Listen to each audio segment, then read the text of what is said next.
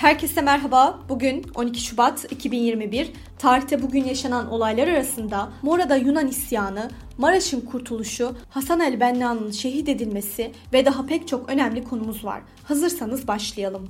Dünya tarihinde bugün yaşananlar 1502 Vasco da Gama Lizbon'dan Hindistan'a doğru ikinci yolculuğuna çıktı. 1541 Santiago, Pedro ve Valdivia tarafından kuruldu. 1912 6 yaşındaki Çin İmparatoru Puyi tahttan indirildi. Böylelikle 2000 senelik Çin İmparatorluğu ve 267 yıllık Mançu Hanedanı son bulmuş oldu. 1912 Çin'de Gregorian takvimi kullanılmaya başlandı. 1949 Hasan el-Benna şehit edildi. Müslüman Kardeşler Örgütü'nün kurucusu, büyük İslam alimi ve mücahidi Hasan el-Benna 12 Şubat 1949'da Kahire'nin en büyük caddelerinden birinde arabası durdurularak polisler tarafından kurşunlandı. Kaldırıldığı hastanede bilinçli olarak müdahale edilmeyerek kan kaybından ölmesi beklendi. Hasan el-Benna'nın ölmesini başta Kral Faruk olmak üzere İngilizler ve Yahudiler çok istiyorlardı. Türkiye tarihinde bugün yaşananlar 1914 Türkiye'de ilk uçak postası hizmete girdi.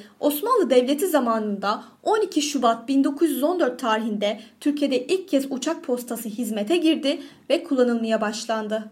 1994 Tuzla tren istasyonunda bomba patladı. İstasyonda 12 Şubat 1994'te çöp kutusu içerisine yerleştirilen bombanın patlaması sonucu 5 yedek subay adayı şehit oldu. 16 askeri öğrenci ile 11'er yaralandı. Bu olayın faili Abdullah Öcalan'ın yanında cezasını çekmektedir.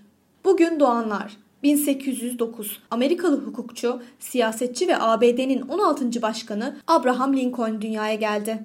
Bugün ölenler 1804 Ünlü Alman düşünür Immanuel Kant öldü. 1934 Türk şair, yazar ve doktor Cenap Şahabettin hayatını kaybetti. Bugünkü bültenimizi de burada sonlandırıyoruz. Programımızda tarihte gerçekleşen önemli olayları ele aldık. Yarın tarihte neler olduğunu merak ediyorsanız bizi dinlemeyi unutmayın. Yarın görüşmek üzere.